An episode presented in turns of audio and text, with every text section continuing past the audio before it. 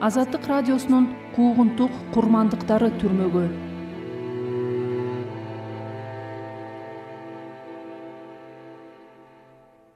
Саламатсыздарбы? Азаттыктын куугунтук курмандыктары подкастында жыйырманчы кылымдын отузунчу жылдарындагы саясий кырдаал ырайымсыз репрессиялар анын азыркы сабагы тууралуу сөз кылабыз.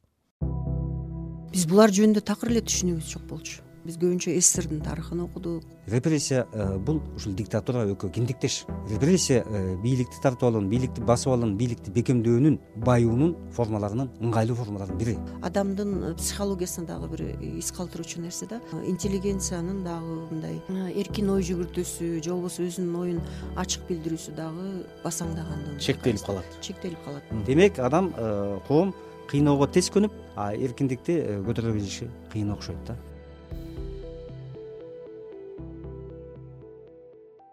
бул темага кайрылуунун удулу келип турат. Анткени ушул күндөрдө ошол репрессиянын курмандыгы болгон ишеналы арабаевдин жүз кырк жылдык мааракеси белгиленип эскерилүүдө. Бүгүн биз бул теманы тарых илимдердин кандидаты аида кубатова коомдук ишмер тарыхчы алмаз кулматов менен талкуулайбыз. Саламатсыздарбы? Саламатсыздарбы алды менен мына жыйырманчы кылымдын отузунчу жылдарына кыскача мындай бир мүнөздөмө бере кетсек дүйнөдө авторитардык режимдер идеологиялык ажырым улутчулдук күчөп акш оор экономикалык кризисти башынан кечирип европада болсо диктаторлордун арааны ачылып украина мына турган казакстанда аламат түшүргөн ачаарчылыкты башынан кечиришкен.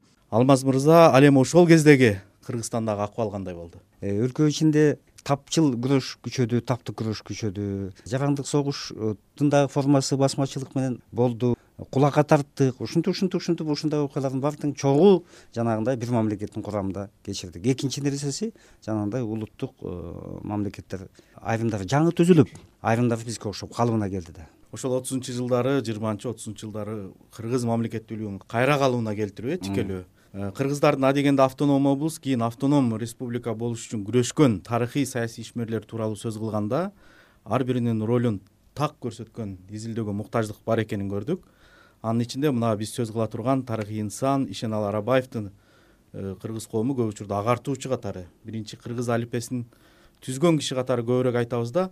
Ал саясий ишмер болгону кыргыздар өзүнчө түндүк көтөргөн мамлекети бар эл болсун деген саясий мүдөө үчүн күрөшкөнү айтылбайт. Эмнеге? Айдайым. Рахмат. Э, негизинен ошол ишеналы арабаевди биз э, чындыгында эле агартуучу катары карап келгенбиз да. А кийинки учурда тапкан архивдик документтер ошолордун негизинде биз муну арабаев э, агартуучу гана эмес саясий ишмер экендиги тастыкталууда. Ишеналы арабаевди биз э, китебимде чыгарганбыз эки доор инсаны деп. Себеби дегенде ал совет бийлиги орногонго чейинки дагы ишмердүүлүгү өтө чоң өтө жогору. Анан кийин совет бийлиги орногондон кийинки мезгили дагы да. Эми мунун э, ушул мезгилдеги мындай алдыңкы инсан катары калыптанышына биз ушу он тогузунчу кылымдын аягы жыйырманчы кылым башындагы жадидчилик кыймылынын дагы таасири жадидчилер башкача айтканда ушул булар алгач баягы агартуучулук аракеттерден баштап анан кийин бул саясий кыймылга дагы өткөн ушу жадидчилик кыймылын дагы айта кетишибиз керек да.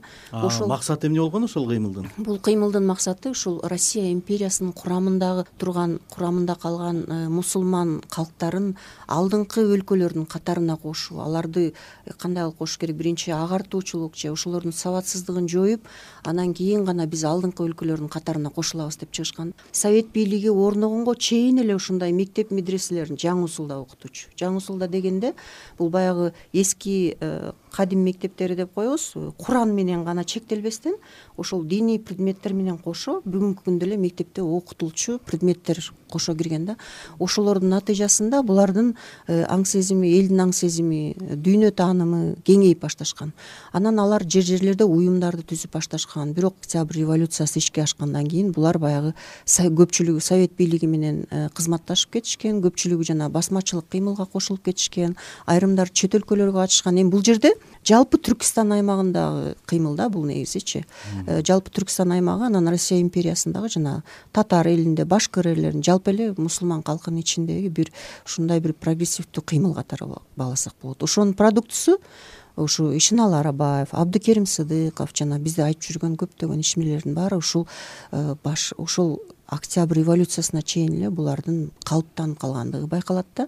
Анан бүгүнкү күндө биз айтабыз ушул октябрь революциясынан кийин э, кыргыз мамлекеттүүлүгүнүн түптөлүшү дагы ушулардын аракетине байланыштуу да. А жанагы улуттук интеллигенциянын калыптанып калганынын эсебинен ушу э, совет бийлиги орногондон кийин биринчи алгач баягы бир миң тогуз жүз жыйырма экинчи жылы тоолуу область түзүү долбооруна быйыл жүз жыл болот ошого дагы ушул маселенин көтөрүлүп чыгышынын башында дагы абдыкерим сыдыков ишеналы арабаев иманалы айдарбековдор турган билесиздер ошо тоолуу область түзүү долбоорун бул улутчулдар э, анан кийин бул деген э, проект толук иштелип чыккан эмес деген шылтоолор менен муну жок кылып салышкан анан бир эки жыл бул токтоп калган да бул процесс анан жыйырма төртүнчү жылы кайрадан алар ушул мамлекеттүүлүк маселесин көтөрүп чыгышып ошолордун талбаган күрөшүнүн аркасында анан ушул бүгүнкү күндөгү кыргыз республикасынын фундаменти деп да айтсак болот ушул кара кыргыз автономиялык облустун түзүүгө жетишкен. Эми ошол жерде ишеналы арабаевдин ролу абдан чоң.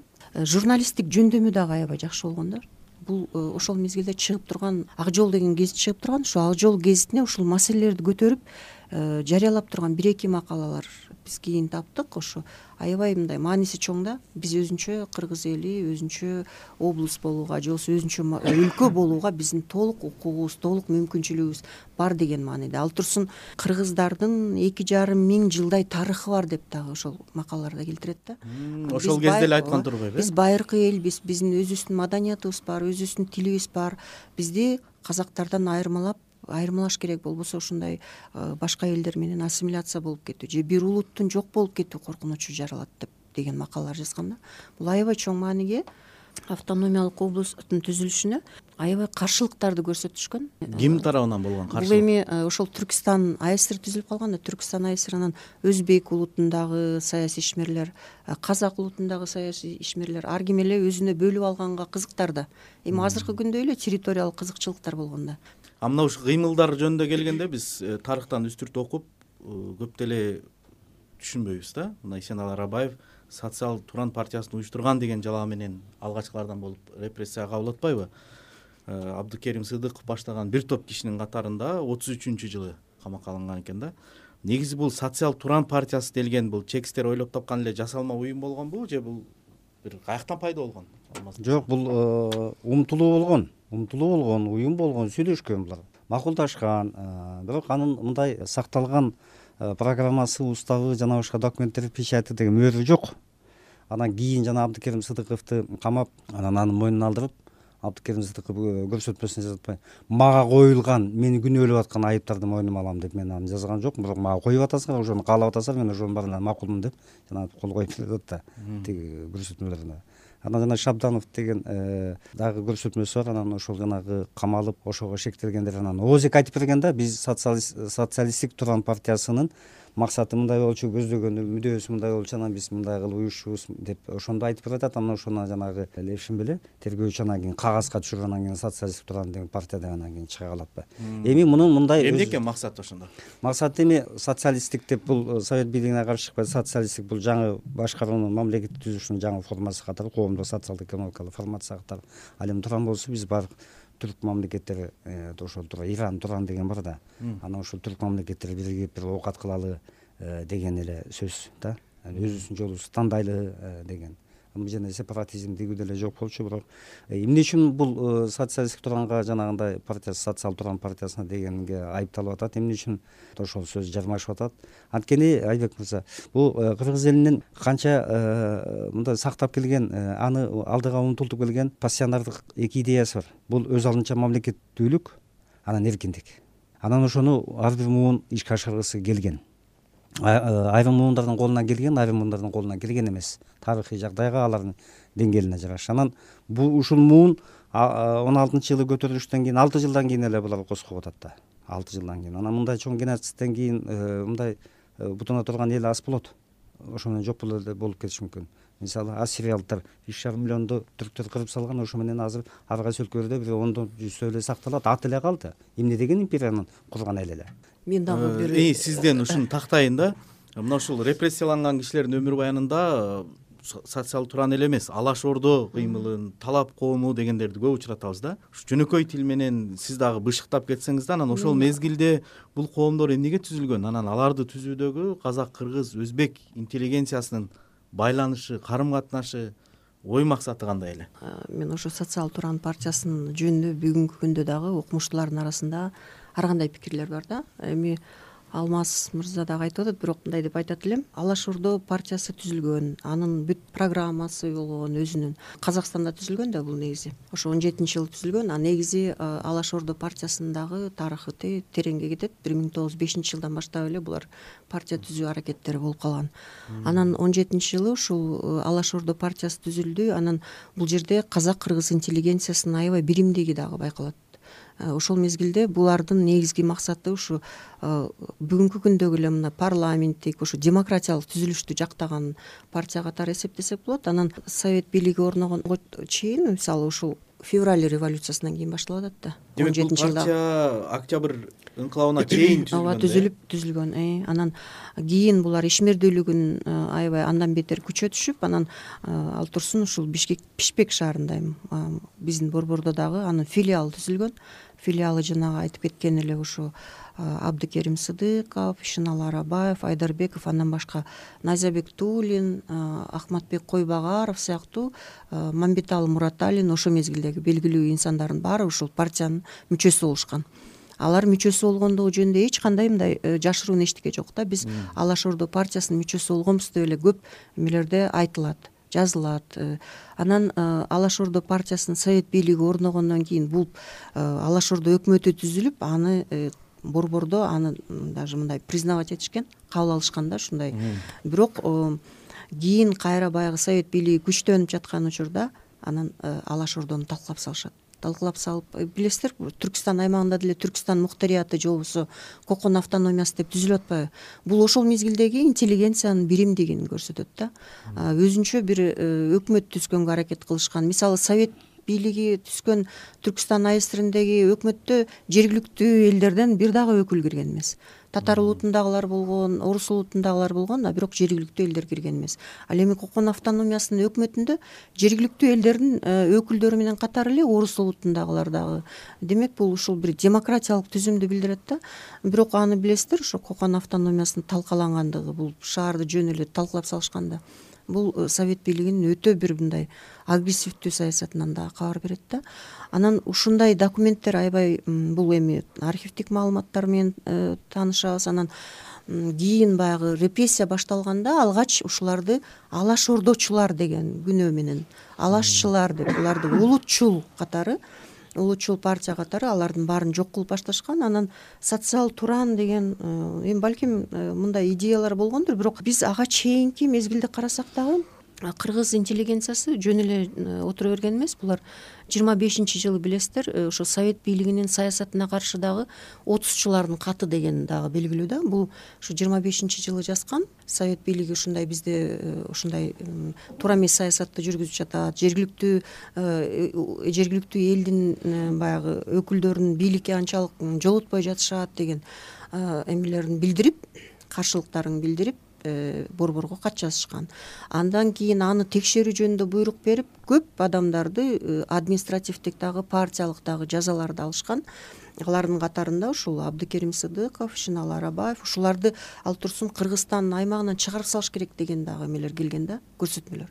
Бирок булар баягы ошол мезгилдеги белгилүү адамдар болгондуктан буларды кайра партиялык иштерге тартып ташкентте көпчүлүгү ташкентте иштешкен анан э, социал туран партиясынын э, түзүлүп калгандыгы жөнүндө эч кандай мындай маалымат жок. Архивдик эскерүүлөр мен көп эле эскерүүлөрдү окуп чыктым. Мына бүгүнкү күндө ушу жусуп абдрахмановдун күндөлүктөрү күндөлүгүндө эч эчтеке жашырбай айтып атат. Борбордук комитет баарына бир эле сталинди мындай сындаган жери жок. Калгандардын баарын да сындап жазып атат да. Бирок эмнегедир бул партия жөнүндө мындай сөз жок. Мен аларды карап чыктым да. Анан ошон үчүн мен ойлойм бул балким ушул э, кгбнын же болбосо ошол мезгилде нквд ойлоп табылган дагы нерсеси болушу мүмкүн да. Себеби буга массалык репрессияга массалык мындай эме бериш керек болчу да. Ошон үчүн айылдагылар айыл кыштактагы алдыңкы адамдардын баарын деги эле социал туран партиясынын мүчөсү деп ал адамдар деги эле социал туран партиясы эмне экенин деле түшүнгөн эмес да.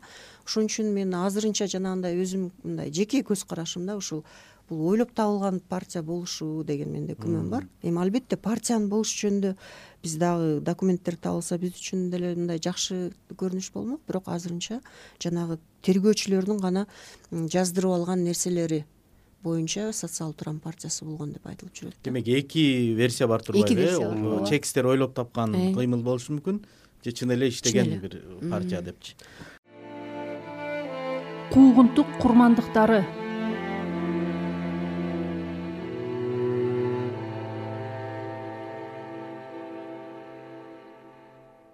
урматтуу угарман сиз куугунтук курмандыктары подкастын угуп жатасыз. Аны мен айбек абдылдаев алып барып жатам. Талкууга тарых илимдеринин кандидаты аида кубатова коомдук ишмер тарыхчы алмаз кулматов катышууда кайра отуз үчүнчү жылга кайтып келсек да мына ушул э, тарыхнаманы карап отурсак отуз үчүнчү жылы декабрь айында дейт коммунисттик партиянын борбордук комитети партиянын катарын тазалоо тууралуу чечим кабыл алып жатат да. Анан сегиз жүз миңдей киши ушул эле жылы партиянын катарынан чыгарылган деген факт бар экен да бүтүндөй советтик өлкөлөрдүн аймагында жүргөн мындай тазалоого эмне себеп болгон?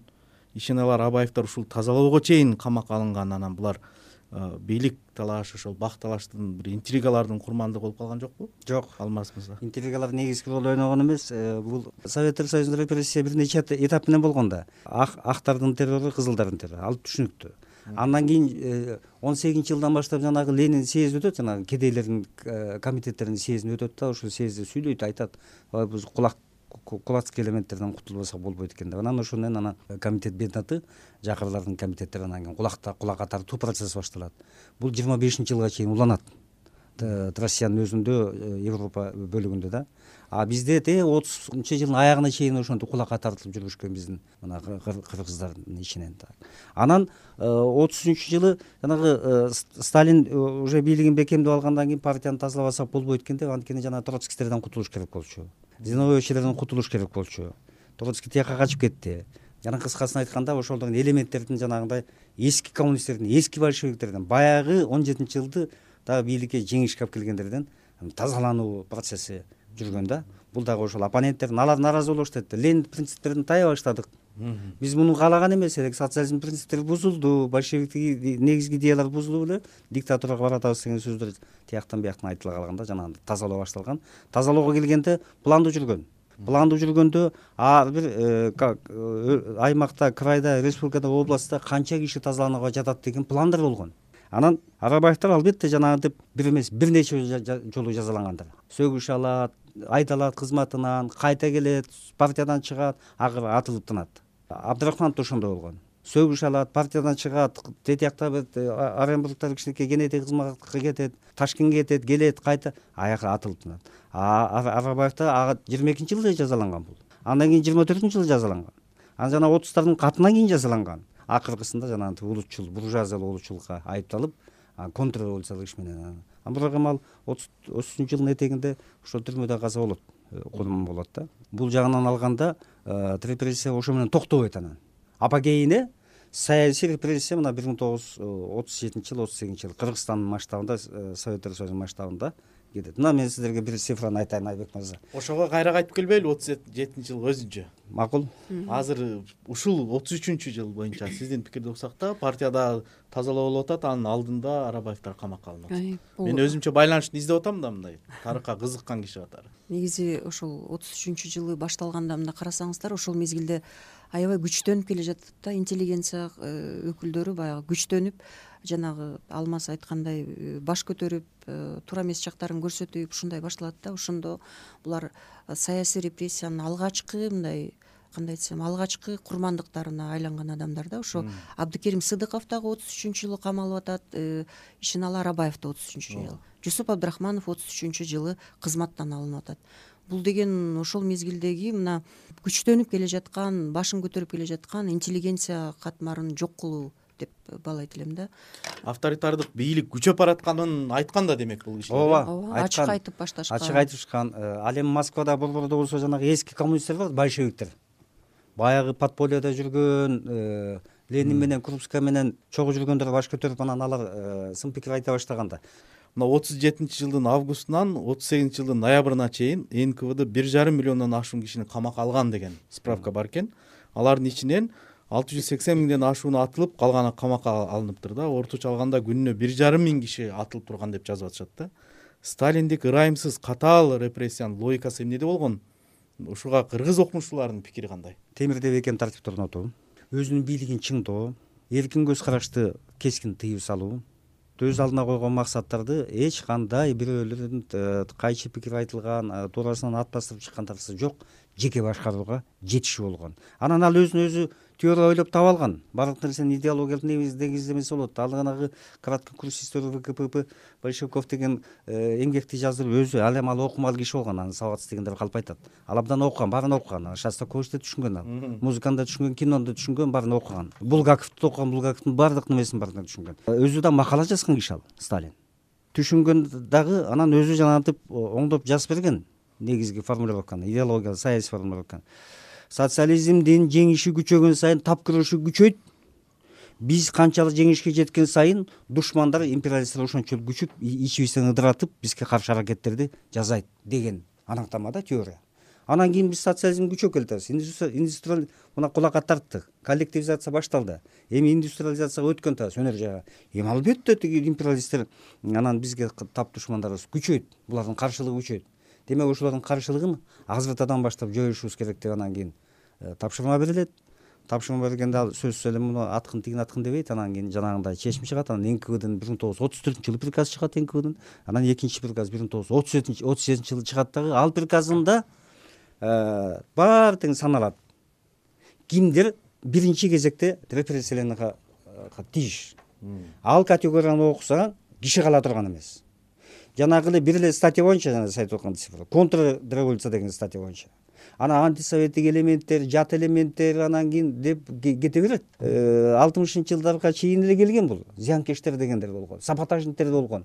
Анан ошентип анан кийин жанагы аткаруучулар фантазиясына жараша анан кийин статьяларды ойлоп таап анан коюп баары тең жалпы э, эки үч статьяга бирикчи антисоветтик элементтер советтер советтик саясатка жат элементтер эскинин калдыктары анан буржуазия улуучулук дегендер. Мына айбек мырза бул ал токтогон жок. Акыркы леви биздин экөөбүздүн э, айда экөөбүздүн агайыбызга чейин келип жетти. Кайсыл киши? Эгер сабагат токуров деген аксакал э, раматов кайран киши. Анан ал э, тарыхчы окумуштуу анан эми кыргыздар россияга кошулду анан кыргыздар дагы орустардын пассионардуу тез өнүккөн динамикалуу абдан мындай бир дүйнөнү ээлеп алууга умтулуусу күч улут экенин билип орус менен дос болсоң айбалтаң гана жүр булар ким менен согушат биз кошо согушат экенбиз. Булар ким менен дос болсо биз? Кошо дос болот экенбиз. Тагдыр ушундай бизге буйруган экен дегендей орус менен дос болсоң айбалтаңды ала жүр деп фольклордук формага салып айткан экен лакапты анан ал ошону мисал келтирип атпайбы?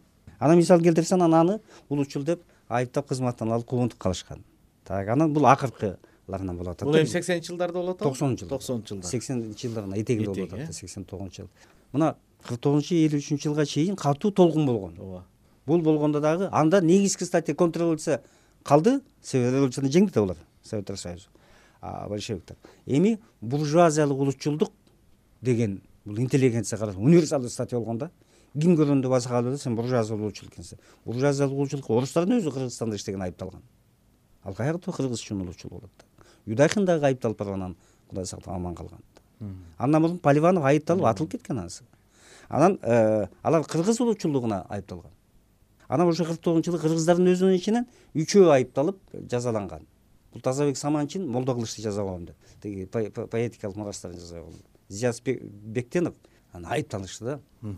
Так анан мына ошондой массалык түрдө элди башкаруунун мамлекетти башкаруунун жеке базар бийлөөнүн андан тышкары жана баюунун формасы катары репрессия. Ар кандай формада ар кайсы өлкөдө э, ар кандай түрдө ишке ашып келген. Репрессия э, бул ушул диктатура экөө киндиктеш. Репрессия э, бийликти тартып алуунун бийликти басып алуунун бийликти бекемдөөнүн баюунун формаларынын ыңгайлуу формаларынын бири. Мунун соблазны азгырыгы өтө көп анан бүгүнкү күндө биз айтабыз го интеллигенция өкүлдөрү эмне үчүн унчукпайт эмне үчүн? Менин жеке пикиримде бул ушул репрессиялардын дагы э, натыйжасы да. Себеби аң сезимде өзүнүн э, мындай эмесин калтыратат сөзсүз түрдөчү ар бир тарыхый окуя бул ушу адамдын э, психологиясына дагы бир из калтыруучу нерсе да. Ушундай бир катуу репрессиялардан кийин интеллигенциянын дагы мындай кандай десем эркин ой жүгүртүүсү же болбосо өзүнүн оюн ачык билдирүүсү дагы басаңдагандыгын чектелип калат. Чектелип калат. Жалтак коркок болуп калат деген ошол да? Бүгүнкү күндө ошол айтып жаткан нерсе дагы ошол ошолордун бир таасири деп ойлойбуз да. Жаңы доордо кыргыз мамлекетинин калыбына келтирилгендер он алты жылдын балдары да он алты жылдын балдары да геноцидти көргөн балдар геноцидти көрдү. Баары тең мына бир миң тогуз жүз биринчи жылы туулганда эң улуусу арабаев болчу ага сакал деп коюшту кырк жашта болот бир миң сегиз жүз сексен экинчи жылы төрөлгөн да анан эң улуусу мына анан э, тигилер он алты жашта бала болуп атпайбы он беш он алты жашта күркүндө көргөн анан жыйырма экиге чыкканда эле козголуп атпайбы демек ал деле мындай э, улутту басын тийбей албайт. Ал ошол ошол муундун өзүнүн миссиясын кандай түшүнгөндүгүнө жараша. Ошол муундун дараметине жараша. Башка мисалды айтса болот эл күнөтүшөт ошондой жанагындай тоталитардык диктатуралык режимге. Мисалы кхмрлерди мен мисал кылып атам ага канча жыл бою ошолордун эмесине изүүсүнө запкысына чыдап жасап келишти жашап келишти көнүп эле баш ийип. Көнүп эле баш ийип эле ал он жети он сегиз саат иштеп кулдай иштейт экен. Коммунанын башчысы жок ал үйлөнүүгө да акысы жок балалуу болууга акысы жок болгон. Канча миллиондогон адамды дайынсыз жок кылышкан же болбосо дүйнөнүн тияк жагынан аргентинаны алалы аргентинада дагы бир миң э, тогуз жүз жетимиш алтынчы жылы э, хунта болуп э, аскерий бийлик басып алып анан бир миң тогуз жүз сексенинчи жылы тетчер фолкленд согушун баштабаганда булар ошол хунтадан бир топко чейин кутулмак эмес. Ошол согушта жеңилип калып анан кийин гана аргентина эли ошол азап тозоктон кутулганда. Демек ал ошол ошол мезгилдин ичинде эле бир топко көнөтүшкөн экен. Ошо макул боло түшөт экен да. Демек адам коом кыйноого тез көнүп а эркиндикти көтөрө билиши кыйын окшойт да эми жыйынтыктайлы да мына тарых эки жолу кайталанат дейт да. Биринчи трагедия түрүндө экинчиси фарс түрүндө деген сөз бар экен. Жыйырманчы кылымдагы репрессиялар тууралуу айтканда азыркы доордогу анын сабагын кошо айтып атабыз да. Азыр саясий жана башка куугунтук кандай формада жүрүп жатат дегенге дагы кайрыла кетпейлүбү адамзат ошол э, репрессиялардын эмне сабагын албай калды? Э, мисалы ошол эшеналы арабаевдарды эмне үчүн азыр эскерип эмне үчүн айтышыбыз керек. Биз булар жөнүндө такыр эле түшүнүгүбүз жок болчу биз көбүнчө сссрдин тарыхын окудук э, россиянын тарыхын окудук. Анан арабаев дегенди ушул эгемендүүлүк келгенден кийин гана окуп баштадык да. Ал турсун жанагы кийинки репрессияга элүү үчүнчү жылдары учураган тазабек саманчин деле ушул молдокулычты жазганда э, молдокулычтын э, зилзала деген чыгармасын уфада галия медресесинде окуган балдар чыгартканга аракет кылышкан деп ошондо дагы арабаевдин аты аталбайт а чындыгында зилзаланы жарыкка чыгарткан анын баш сөзүн жазган ушу эшеналы арабаев болгон да. Биз ошол жөнүндө да түшүнүгүбүз болбоптур да. Булардын бизге калтырган эң чоң мурасы ушул э, мамлекеттүүлүк экен да. Кыргыз э, совет мамлекеттүүлүгүн түптөп кетишти. Эми бул мурасты биз чындыгында сакташыбыз керек да.